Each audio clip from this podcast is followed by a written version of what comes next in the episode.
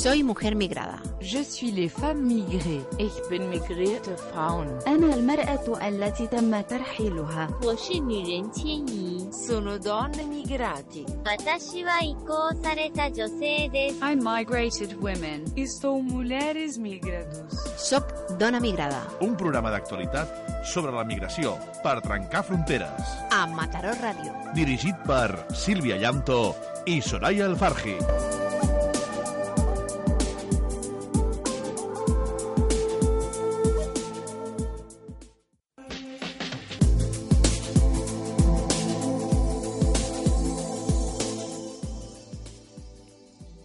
Dia, estimats oients. Ens tornem a trobar una vegada més al programa Migrades. Avui no estarà la nostra companya Sílvia Llanto, però ens, ens acompanya i amb molt de gust l'Asma. I l'Asma avui eh, li hem dit, ens has de parlar del teu llibre. Ja que aquests dies, últims mesos, l'ha promocionat, per què no? El, el programa Migrades que ens parli també del seu llibre, no? La, el seu llibre es titula L'Etern Retorn. Ella es diu Asma Auta i ens obsequia amb un recull de contes escrits amb una gran sensibilitat, sovint amb un punt d'ironia. Això ho notareu quan comenceu a llegir el llibre, que per ser jo ja ho he començat, eh? on emergeixen històries de persones de procedència amaziga i marroquina que viuen a Catalunya, records màgica del país dels ancestres, d'altres migrants, de somnis evaporats, de lluites per la vida i per la dignitat. Relats majoritàriament de dones valentes i desacomplexades que necessiten tallar les cordes que les lliguen a l'opressió o que ja han tallat aquestes cadenes, sempre amb el desig de mostrar olors i realitats difícils d'una banda i altra de la riba. Molt bon dia, Asma. Bon dia, Soraya. Un plaer tenir-te. Moltes gràcies. Uh, trobava a faltar el programa. Ja feia bastantes sessions que no, que no he pogut venir amb la promoció del llibre, efectivament, i avui estic contenta de ser aquí. I nosaltres t'hem trobat a faltar i encantats de que ens parlis del teu llibre, que sé que serà un gran èxit, que ja ha començat a ser un èxit. Sí, la veritat és que sí, hi ha hagut bona resposta per part doncs, de la gent que el va llegir i bé, s'està venent, sí, sí. Eh, Explica'ns una mica en com t'has inspirat per escriure aquest llibre i per què l'etern retorn. No? L'etern retorn perquè els relats que hi ha al llibre, d'alguna manera, són relats eh, de, de persones, i majoritàriament dones, doncs, que viuen contínuament entre dos mons, el d'aquí i el d'allà, i, doncs, i ens inviten a un viatge d'anada i tornada eh, continu eh, entre vivències d'aquí i records d'allà, entre maneres de fer d'aquí i maneres de fer d'allà, tradicions d'aquí i tradicions d'allà.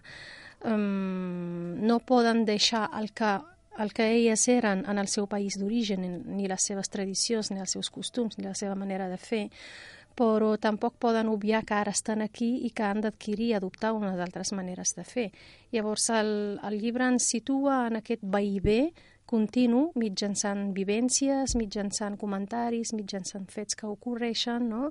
i que ens ajuden a conèixer bé aquestes dones i les seves respostes um, als reptes d'adaptació al país d'acollida uh, per unes persones doncs, situades entre això, entre dos mons, dues cultures. Molt bé. Eh, Asma, I... aquest és el primer cont, eh, llibre que escrius, però em consta que has escrit abans eh, contes, no? Sí, en català vaig escriure molt abans de... Escrivia molt abans de la publicació d'aquest llibre amb, amb relats així curts també, que publicava al Facebook. També vaig participar en algun concurs de relats.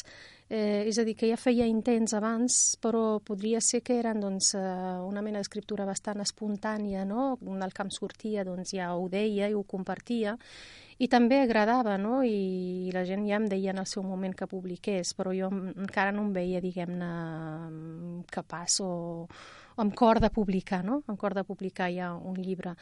Això va madurar amb el temps i amb l'aprenentatge de recursos literaris i tècniques i tal, mitjançant la participació en tallers d'escriptura i lectures, i va arribar el moment doncs, de, de valorar que, que estaria bé publicar perquè penso que estaria bé doncs, compartir aquest punt de vista, visibilitzar les vivències d'aquestes dones, mm, valorar el que fan, la seva aportació a la societat d'acollida, mirades noves cap a temes potser quotidians que veiem que hem vist sempre des d'un nou des d'un únic enfocament que és l'enfocament occidental, no?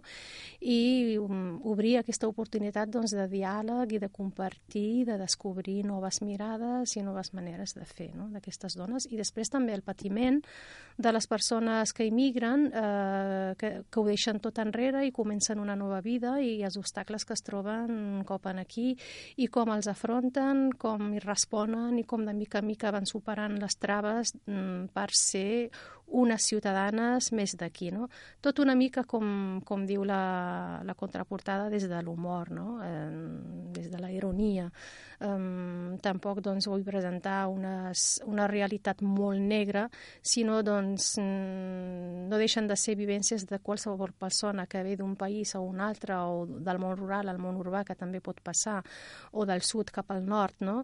Um, per, per, per construir una nova vida eh, a la qual doncs, s'ha de, a la qual s'ha de respondre amb, amb, amb força, amb voluntat de tirar endavant i també amb aquesta voluntat doncs, de fer aquest país al qual has, has vingut a viure doncs, un país teu no? i ajudar a construir-lo mm, juntament amb, amb la ciutadania autòctona. Això que dius d'un punt d'humor, al final, eh, tot i que les experiències a vegades eh, comencen una mica mm, traumàtiques pel canvi, per tot, un cop ja les has superat i les expliques, sí que és veritat, ho sé perquè també li ha passat a una tieta meva que després quan m'explica totes les seves aventures quan passa a Ceuta, ho explica amb humor i ens fa riure, però en el seu moment segur que hauran estat una mica mm. difícils. Um, quant de temps uh, has trigat a escriure aquest llibre? No ho sé ben bé. Hi ha relats que vaig escriure ara fa com uns 5 anys, més o menys, i d'altres doncs, fa 3 anys i alguns fa poquet. Alguns, Són... doncs...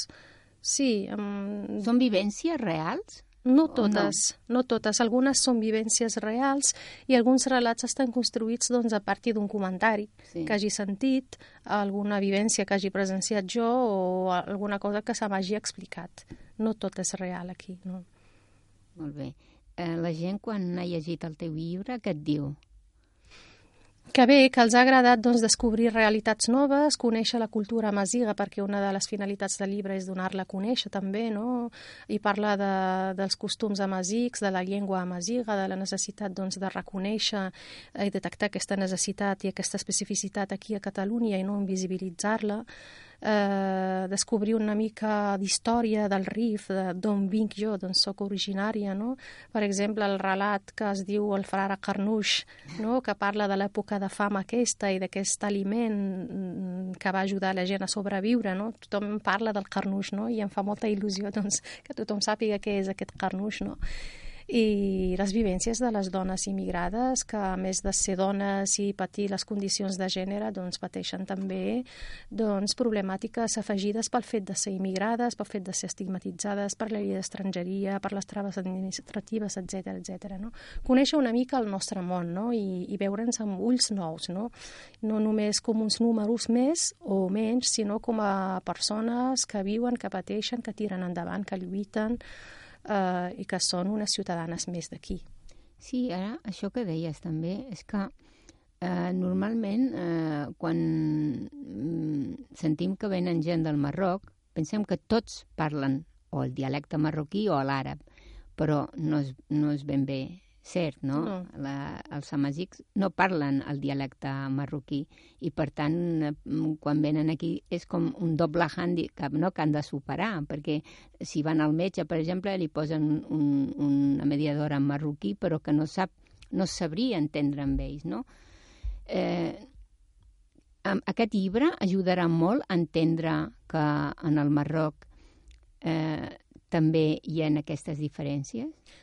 Mm, si no ajuda molt, ajudarà una mica, no? contribuirà, diguem-ne, a visibilitzar aquesta realitat. És el que tu dius, no? que es tendeix a considerar que tots els marroquins, tota la gent d'aquí que ve del Marroc, doncs és arabòfona, quan en realitat la majoria dels, dels marroquins són amazics i els amazics no només viuen al Marroc, sinó que estan a tot el nord d'Àfrica, a Algèria, Tunísia, Líbia, Níger, Mali, eh, ocupen un territori molt ampli i tenen una història mil·linària, una cultura mil·linària i una llengua que, malgrat totes les colonitzacions, encara és molt viva. No? I han lluitat molt per eh, aconseguir aquest reconeixement als seus països d'origen.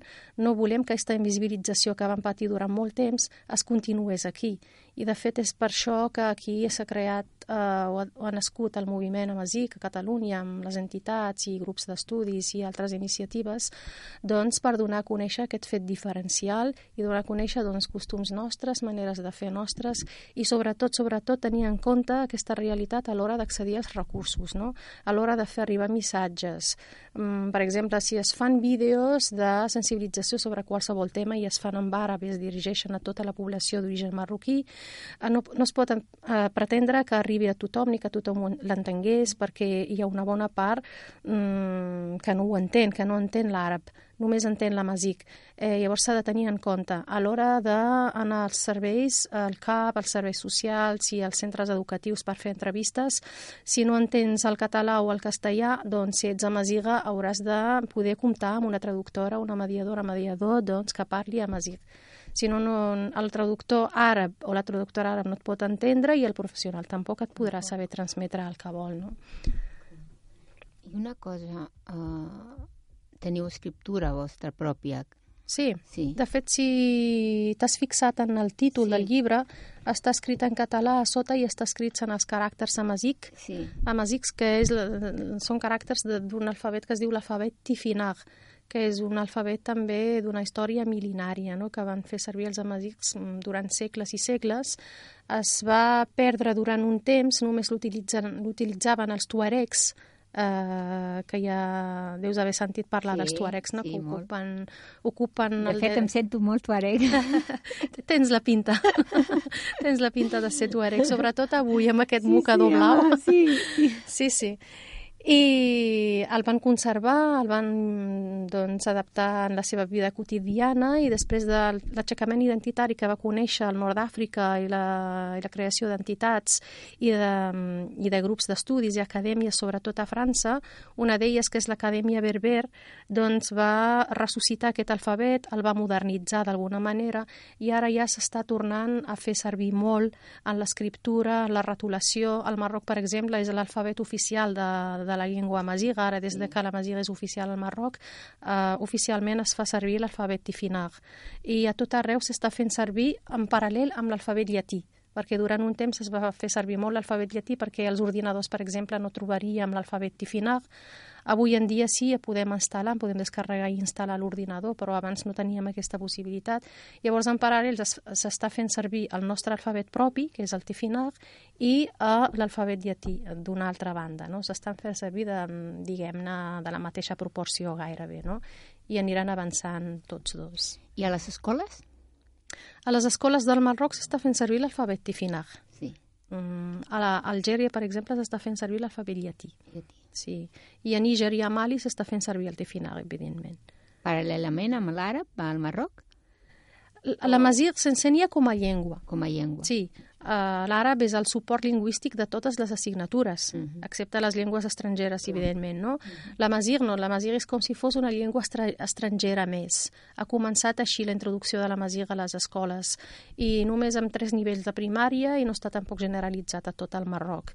I llavors, mm, a partir d'aquests tres anys, fins a la universitat, que hi ha una carrera universitària que es diu els Estudis Amazics, a UJDA, a la Universitat d'Ujda, mm no hi ha cap altra més sortida universitària per als estudis amazirs. I, i a partir d'aquesta carrera hi ha la possibilitat de cursar màsters que ja s'han obert dos màsters en dues universitats. Res més en quant a l'ensenyament de l'amazir. És a dir, que l'amazir és oficial al Marroc, però per implementar aquesta oficialitat, diguem-ne, i per normalitzar la presència de l'amazir en tots els àmbits encara queda molta feina per fer. Ha de tenir però més una cobertura. part, sí, ha de tenir més cobertura. Però una part ja s'ha fet. Una part ja s'està fent. Home, molt important, molt I tant, important tenir sí. escriptura pròpia mm. i Has escrit algun llibre amb Masic? Llibre cap, però relats, eh, poesia moltíssima. Eh, de fet, tenia en ment publicar, però no va arribar l'ocasió, diguem-ne, per fer-ho. mm, Bueno, amb, amb tot el que passa al RIF i, i, de fet, aquí també estic més temps que allà, no? Només vaig de vacances i no em donar temps de contactar amb alguna editorial, sinó ja tinc preparats eh, relats per publicar, sobretot relats. La poesia, mira, l'escric pues la comparteixo al Facebook i ja està, no, no, no em ve en ment publicar poesia, diguem-ne, no? però sí que n'he escrit bastant en Amasic. De fet, vaig començar escrivint en Amasic abans de d'escriure en Sí. català. Sí. I en català, solament. En castellà tens pensat editar o, o, o et veus... mm, Una No. vegada et vaig sentir parlar que vas escollir el vindre aquí el català i era la teva llengua referent, no?, aquí. Sí, Explica'ns una mica com, com és la teva vida, la teva sí no, a mi m'agrada molt parlar castellà i, i, eh, i el parlo, no? Quan s'ha de parlar el parlo i llegeixo molt en castellà també. Però la llengua vehicular que vaig triar és el català. Um, el primer dia que vaig descobrir que, que Catalunya té una llengua pròpia que és el català, no? I, i de fet aquesta similitud en, en, en diguem-ne en el procés de marginació entre el català i la Masir, doncs de seguida doncs, em va portar a triar-la com a llengua vehicular, no? I com a llengua doncs, de, de comunicació de manera bastant majoritària, no? d'escriptura, de, bueno, eh, diguem-ne que bueno, és l'opció que vaig fer i ja està, no? i em sento més còmode escrivint en català i, i, tinc un cert domini doncs, en català millor que el del castellà, No, també no. tot s'ha de dir. I ho Si em poso ara a escriure en castellà no sabria, vull dir, no, no, No, no, no, tothom més- pot escriure en qualsevol idioma ni en qualsevol llengua, no? El castellà és una llengua d'escriptura meravellosa, no? La literatura castellana és meravellosa també, no? Però jo em vaig posar a estudiar el català, vaig triar en plena consciència el català i penso continuar escrivint en català. No, i a més ho fas d'una manera excepcional. La meva filla va començar a llegir i diu, mama, això és un, un altre nivell. Bueno, no sé. Dic, de, li vaig dir, doncs t'has de posar al nivell eh, per entendre perquè tu passaràs molt bé. No sé, encara em falta molt per aprendre, però bueno, Asma, està tot un explica'ns repte. una sí. mica, parla'ns una mica del RIF, de la situació del RIF, de... de que n- n- ho esteu passant una mica malament. Sí, la veritat és que sí. Que els nostres oients doncs, eh, Mm. sàpiguen una mica més del, del nostre veí, del RIF. De fet, aquí en els, en els relats surt una mica una part no, d'aquest patiment, el retorn a la història, no, per explicar aquesta ubicació geogràfica del Rif en, un, en una zona muntanyosa, no, amb dificultats eh, en tots els, els sentits, no, amb molta manca d'infraestructura, amb marginació econòmica en tots els nivells, no, pagesos que, que no estan dotats de recursos i que en la seva vida diària doncs, depenen de la pluja no? per sobreviure, diguem-ne, d'alguna manera. No? I, I que va patir el colonialisme espanyol, també aquí surt en, de manera molt subtil en algun dels relats, no? i el, van rebre, van patir el bombardeig amb armes químiques per part de l'exèrcit espanyol i francès, eh, que va acabar amb una república efímera que es va construir entre el, dos, el 1921 i 1926, no? que per ells aquesta era la manera d'acabar amb la república, amb la resistència rifènia. Després d'això va venir la fam, que va arrasar moltes vides i va portar molta gent rifènia a emigrar cap a altres ciutats del Marroc, Um, sobretot al nord del Marroc, Tànger, l'Aratxe, tu que ets d'allà ho sabràs, sí, sí. Uh, sabràs que hi ha moltíssima gent rifènia, no? Molts, no molts. sé si la meitat o més de la O meitat. Més de la meitat. Més de la meitat de la gent de l'Aratxe, Tetuan, Tànger són rifenys, són gent rifènia, no? I, sí, d'alguna manera la història del Rif és aquesta. És una història de resistència eh, per un Marroc independent, però en canvi com a resposta doncs, han rebut la marginació i la persecució i la repressió de les revoltes que reivindiquen la millora. No? I l'última va ser doncs, la del 2016, a finals del 2016, amb, amb l'assassinat d'aquell pescador que va morir aplastat en un camió de brossa i la llau de protesta que això va generar i que al final doncs, va acabar amb la Més creació... repressió. Sí, amb més repressió, però amb la creació de tot un moviment que Sí. té unes reivindicacions i que té compte amb l'adhesió de tota la població no? i que va durar molt en el temps, amb manifestacions pacífiques impressionants no? que es van extendre a tota la zona del Rif i ara, avui en dia, són exemple per tot el Marroc i fora del Marroc. No? Sempre doncs, que, que aquí s'ha fet alguna manifestació i s'han encès els mòbils, els, els dic eh, que això de l'encesa del mòbil, els mòbils ve d'allà, Sí. no ho oblideu mai, no? Una, una iniciativa. Sí, bueno, per dir que es va tractar d'un moviment molt creatiu, molt pacífic. En canvi, doncs, la resposta del govern va ser molt disproporcionada. Avui en dia hi ha a les presons gairebé 800 persones detingudes. Mare.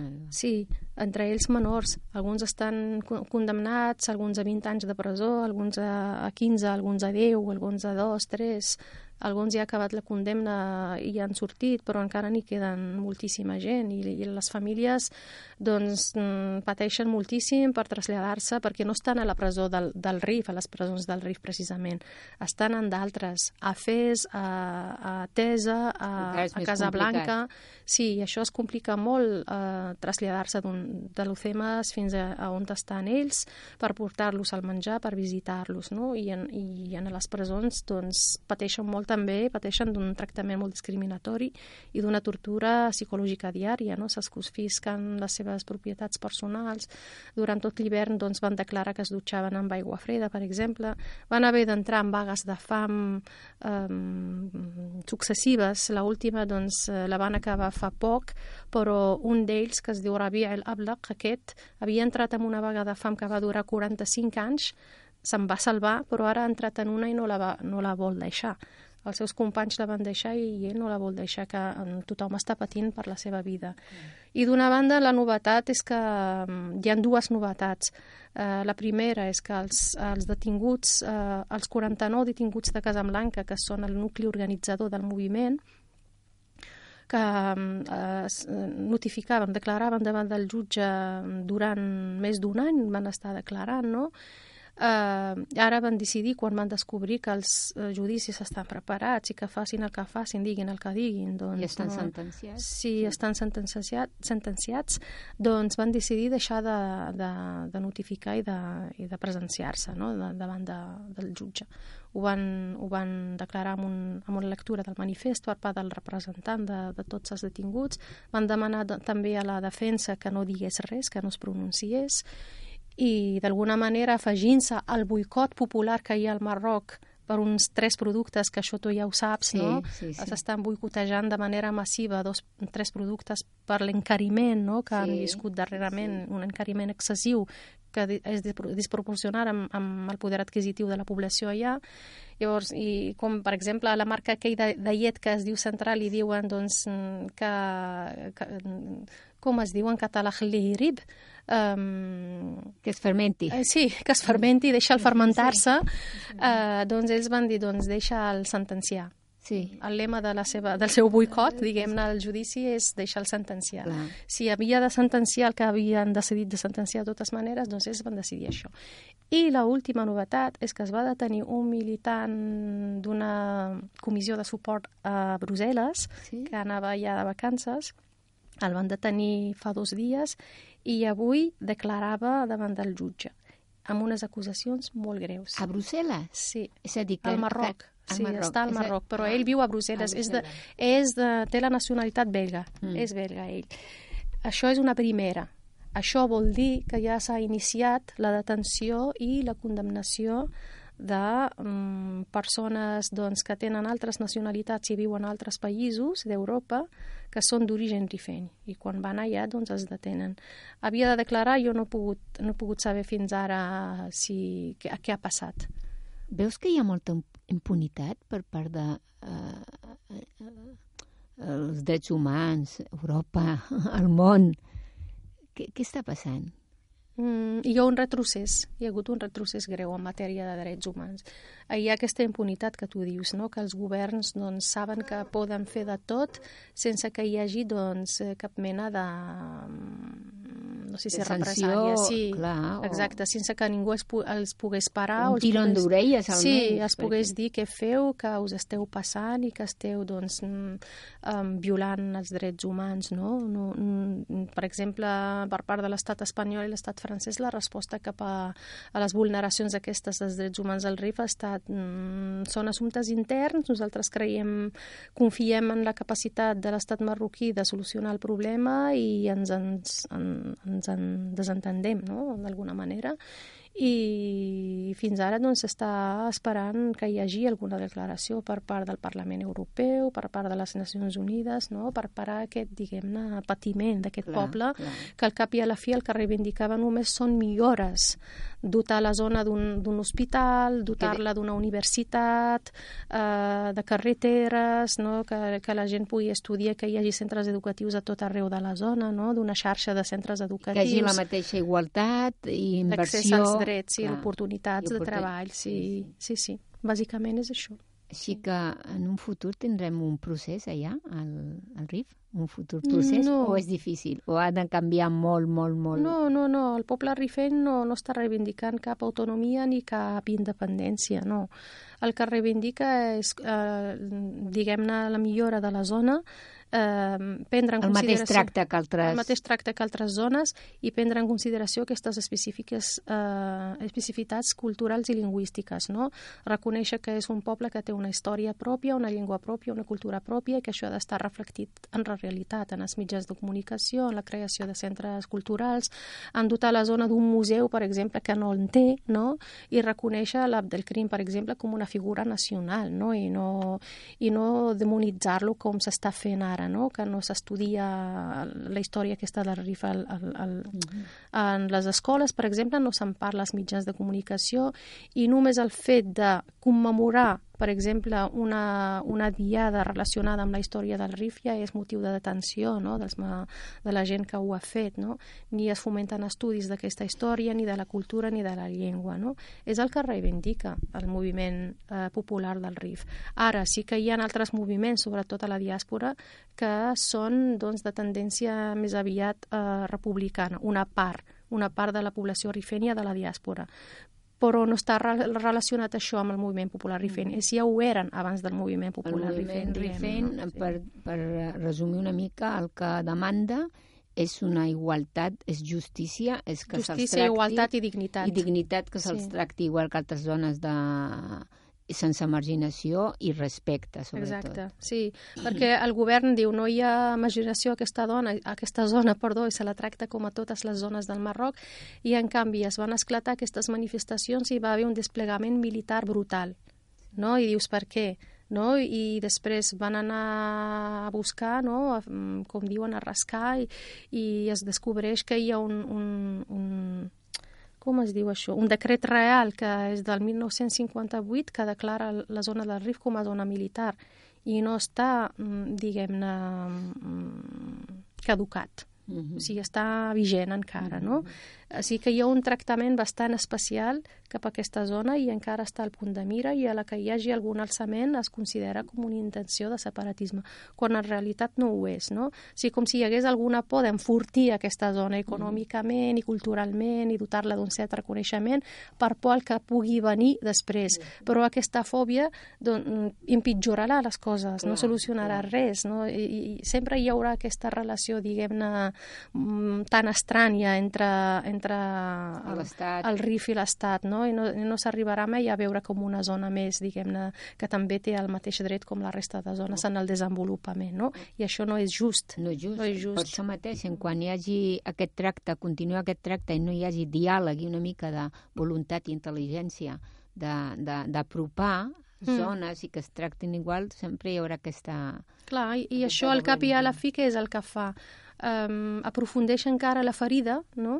Uh, i, i, i, les- i, i diguem-ne aqu- aquest distanciament no? que, que, que s'han inventat però que al cap i a la fi pot, pot ser que sigui real amb, amb, aquest, amb aquest tractament no? que la gent doncs, ara està molt enfadada, està molt dolguda no? amb aquest tractament i pensa que no se'l mereix i, i, es, i es pregunta el per què no? es pregunta el per què i moltes vegades s'ha esperat que hi hagi alguna iniciativa ni que sigui d'indult real i no, i no, i no ha estat així. A veure ara Sí. si en acabar el ramadà A veure, el rei esperem. indulta els que... han- Jo realment m'agradaria doncs, que es posés fi al patiment de les famílies i de la població. Sí, sí. Ho desitjo tinc, molt. Tinc moltes, Ho moltes molt, amigues que ho sí, estan passant sí. molt malament perquè és injust, és que no estan fent res Molt injust, molt injust, sí.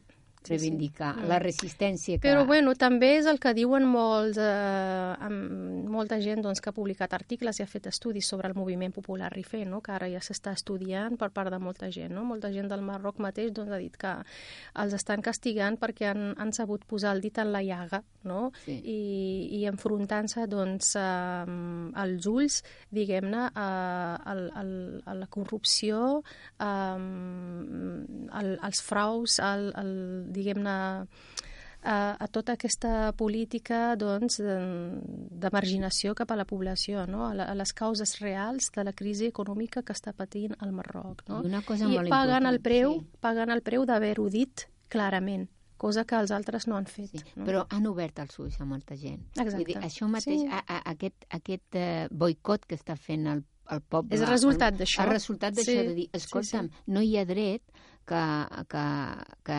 s'encareixin les coses, que no hi hagi feina, que, no, que sempre els diners i eh, que la corrupció augmenti, que la gent s'està s'està rebel·lant i això és perquè ha vist que no, eh, només hi haurà transformació si hi ha lluita, si hi ha reivindicació social. Correcte. Asma, és, és que és un plaer parlar amb tu, no pararíem, gràcies. de debò.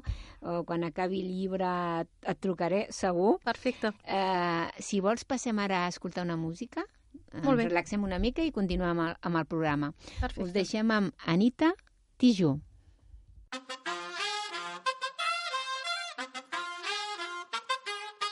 Tú nos dices que debemos sentarnos, pero las ideas solo pueden levantarnos, caminar, recorrer, no rendirse ni retroceder, ver, aprender como esponja absorbe. Nadie sobre todos, faltan todos, suman todos para todos, todo para nosotros. So- Soñamos en grande que se caiga el imperio, lo gritamos algo, no queda más remedio. Esto no es utopía, es alegre rebeldía del baile de los que sobran de la danza tuya y mía. Levantarnos para basta. Ni África ni América Latina se suba. Provocar un social terremoto en este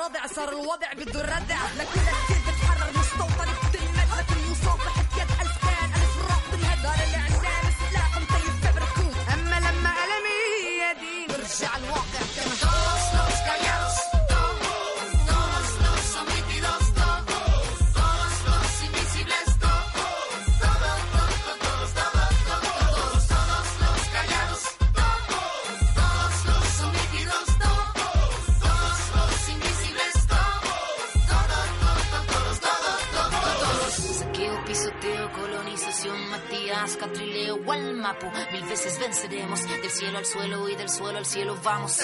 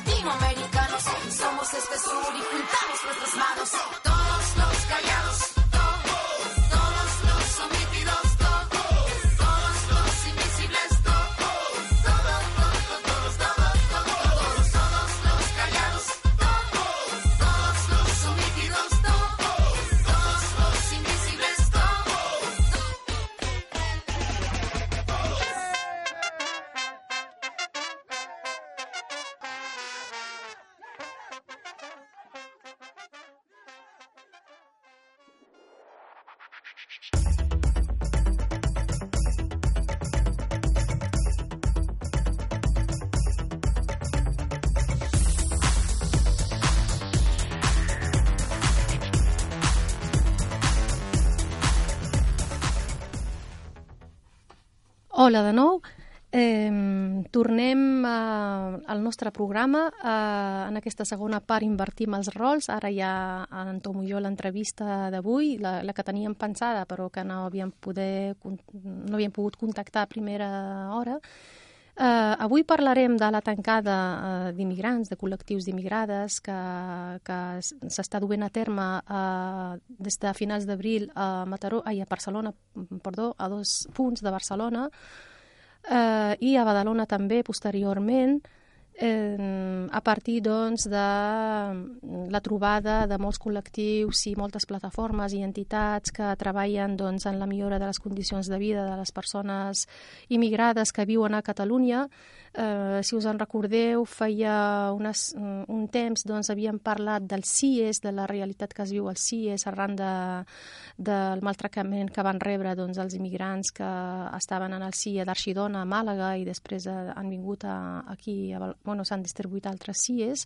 Uh, després també mm, es va produir aquella criminalització doncs, als manters i que va acabar amb l'assassinat doncs, d'un de, d'un dels manters de, de Madrid, amb la mort d'un dels manters de Madrid. Es van produir manifestacions i no sé si resultat d'això, resultat d'un procés diferent en paral·lel, doncs es va decidir fer la tancada a l'antiga Escola Massana a Barcelona i després de, es va obrir una altra tancada al Poble Sec um, per reivindicar un seguit doncs, de, de temes que ara ens explicarà doncs, l'Enrique Mosquera, que és de la plataforma Papers per tothom, Papeles para todos, um, i ens explicarà també doncs, com, com s'ha donat aquesta tancada, com està evolucionant i què és el que s'està produint a la mateixa tancada i què s'està aconseguint. Enrique, bona tarda. Bona tarda. Eh, gràcies per estar amb nosaltres. Teníem ganes doncs, de que ens expliquessis i donar a conèixer als nostres i les nostres oients del programa Migrades la tancada, doncs, que és una moguda doncs, importantíssima per la, per la quantitat de gent que hi participa, per la quantitat de plataformes i entitats també que, que hi estan implicades i per tot el procés i el treball que ha dut a terme des de que s'ha posat en marxa. Ens agradaria molt que ens expliquessis com ha eh, començat la cosa. Mira, llevamos ya 54 días en el encierro. Ujú. La cosa, como tú dices, llevamos ya 54 días Sí, sí, sí. en la tancada. La cosa, como tú dices, empezó con una reunión amplia de organizaciones, cerca de 200 personas y unas 50 organizaciones. Nos pusimos de acuerdo en una reunión que hicimos en Campayó de iniciar un encierro en Barcelona. Conseguimos un local, que es el local de la Masana, y el encierro se inició allí. Ahora mismo ya hay encierros en Barcelona, en Poblenou, en Badalona, en Hospitalet y en Blanes. Ah, muy y bien. se habla de abrir nuevos encierros. Esto, como ves, es una extensión muy grande. Ha superado la propia provincia de Barcelona, ya hay un encierro en Blanes. Se Vale. está hablando de otro en Lloret de Mar.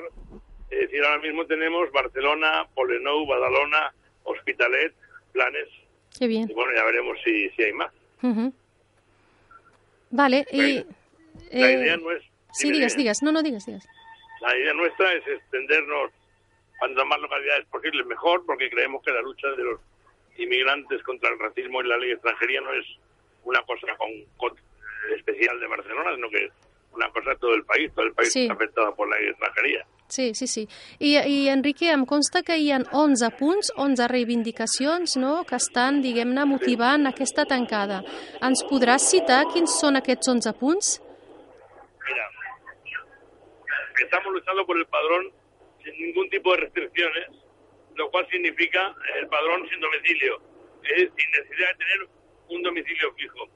Sí. Estamos luchando porque el requisito del contrato no sea imprescindible para conseguir los papeles, es decir, que se puedan conseguir papeles sin, sin contrato, porque un contrato de un año y 40 horas semanales es prácticamente imposible.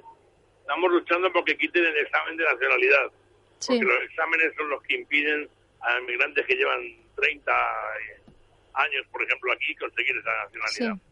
Estamos luchando porque las empleadas de hogar tengan las mismas condiciones de trabajo que el resto de los trabajadores, porque actualmente están en un régimen especial de social que las priva del paro y las priva de la jubilación.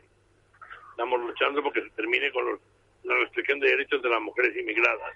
Ujú. Queremos también la despenalización del top manta, porque significa que las personas que están trabajando en la venta ambulante porque no tienen otra cosa en que trabajar, porque muchas de ellas no tienen papeles, Claro. eh, las multas que se les impone les impiden al final, aunque tuviesen un contrato, conseguir esos papeles. Estamos luchando por eh, todas las reivindicaciones, por la reagrupación familiar, por todas las reivindicaciones que se resuelven en 11 puntos, que son la plataforma, que se resumen en una, es la eliminación de la ley de extranjería. Sí, eh, eh, no, no- te oímos bien, pero bueno, ne- no- nos gustaría que nos, eh, que nos explicaras, Enrique, eh, una mica doncs, tot el procés de la tancada, eh, en, en, en què va, diguem-ne, acabar, bueno, acabar, o sigui, quins resultats va donar. Ja vam veure que el president de la Generalitat també va, es va reunir amb vosaltres en l'escola Massana. Hi ha hagut molt bona resposta per part del teixit associatiu, inclús doncs, de, de tot Espanya i de fora de, de l'estat espanyol. Explica'ns una mica això, eh, què feu a la tancada, aquesta resposta com la veieu i quin és, diguem-ne, el pronòstic, no? O, o què és el que, el que podria produir-se, no? Bueno, mira, en la tancada hay un- una serie de personas que están durmiendo, cada noche prácticamente duermen unas 30 personas, y luego hay una serie de personas que vienen a asambleas, que son un día sí, otro no, y a partir de la tancada se generan foros de discusión, actividades en la calle, asambleas, manifestaciones. Ahora ¿Cómo? estamos promoviendo una campaña de solidaridad contra las agresiones y la explotación laboral que han sufrido las compañeras marroquíes que trabajan en la empresa en Huelva. Sí, que por cierto, mm, sábado hay una manifestación en Plaza. Universitat a las 12. Muy bien. Mm. Me, la, me la has quitado de la boca. Muy bien, perfecto, no tengo ningún problema. Sí. Y eh, bueno, entonces se proponen diferentes actividades, que es la más, si quieres, la más numerosa la Asamblea General, que te digo que cada dos días.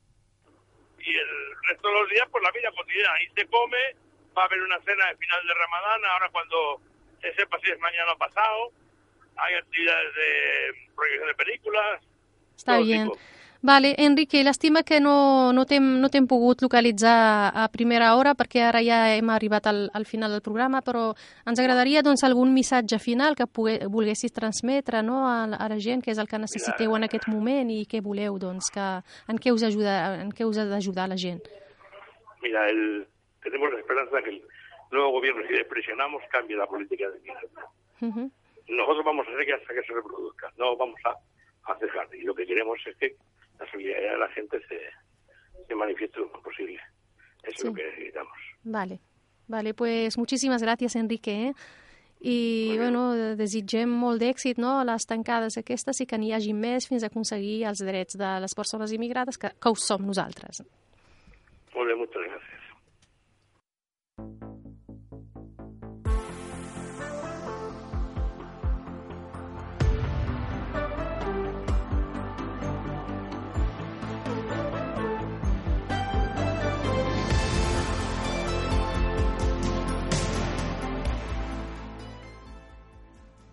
Avui, en el voltant del món, eh, portem unes notícies, las jornaleras de Huelva. A finales de abril, la prensa alemana denunciaba las graves condiciones de explotación que sufrían las jornaleras marroquíes en los campos de fresa de Huelva, que iban desde explotación laboral, hacinamiento y violaciones. El diario alemán revelaba la opacidad social e institucional en torno a la situación denunciada y señalaba al sindicato andaluz de trabajadores como el único que ha dado el paso de denunciar las agresiones. En este sindicato que denuncia el secuestro de 300 temporeras marroquíes, el objetivo era devolverlas a su país antes que termine su contrato. Pero las denuncias de abusos sexuales se han sucedido una tras otras y han sido detenidos los capataces denunciados. Roto el silencio, decenas de organizaciones sociales salen a la calle para denunciar la invisibilidad que sufren las trabajadoras inmigrantes y la normalización de la violencia. En Huelva, Zaragoza y Barcelona, este domingo 17 se realizarán manifestaciones en apoyo a las trabajadoras temporeras de los campos de fresa, explotadas laboral y sexualmente. Y ahora pasamos al campo de la sanidad. Las enfermeras batallan por terminar con las imágenes sexistas en el ámbito sanitario. El Sindicato de Enfermería solicitó en enero un observatorio de la mujer en el ámbito sanitario, pero el Ministerio de Sanidad optó por regular el ya existente Observatorio de Imagen de la Mujer para ampliar sus funciones. Según una encuesta realizada por el sindicato, el 87,84% de enfermeros y enfermeras creen que aún persisten estereotipos sexistas y retrógrados que afectan a la imagen de las profesionales. Y de aquí nos vamos a Argentina. En Argentina se votará por un proyecto de ley que legaliza la interrupción del embarazo hasta la semana 14 y se extiende el plazo en casos de violación. El aborto es ilegal en Argentina, excepto si la vida de la madre corre peligro o el embarazo es fruto de una violación. Las penas de cárcel para aquellas mujeres que interrumpan su embarazo es de uno a cuatro años. Las movilizaciones en Argentina son multitudinarias y existe una fuerte división en la sociedad entre los que están a favor de la despenalización del aborto y los antiabortistas. Y nos llega una noticia de última hora precisamente de Argentina. Ya se ha aprobado el proyecto que despenaliza el aborto en Argentina. I ja eh, hem arribat al final de Nostres Migrades. Esma, ha estat un. Uh, ens queda un programa, només un programa d'aquesta temporada. Sí. Uh, D'aquí 15 dies uh, ens hi trobarem les tres, inshallah. Moltes gràcies. ¿Eh? Y, hermanas de Huelva, nosotras sí te creemos. Bueno, la, la Asma vol, vol reivindicar una cosa arrel d'aquesta notícia que he donat de les jornaleres de Huelva i ens acomiadarem ja fins aquí 15 dies eh, i us deixarem amb una cançó eh, ben maca. Asma, què has de dir? Moltes gràcies. No, eh, jo ara recordava el, el, el tema de la manada no? i tota la llau de protesta que, que va generar, no? que mm, tota la solidaritat aquella molt bonica no? i la sortida de la gent al carrer de manera massiva no? I, i el lema hermana yo sí te creo no? i en canvi quan es va produir la, la violació col·lectiva i, i, i la discriminació i, i l'abús sexual cap a les dones i laboral cap a les dones de Huelva, les treballadores eh, immigrades en els camps de Maduixa de Huelva, doncs ningú va sortir per dir jo sí te creo, no? I llavors, des de Migrades, m'agradaria dir hermanes de Huelva, nosotras sí te creemos. Hermanas de Huelva, nosotras sí te creemos. I, i és més, estarem eh, el diumenge aquí tinc, a la manifestació. Exacte. Fins uh, la propera Migrades. Us deixem amb aquesta cançó. Fins la propera.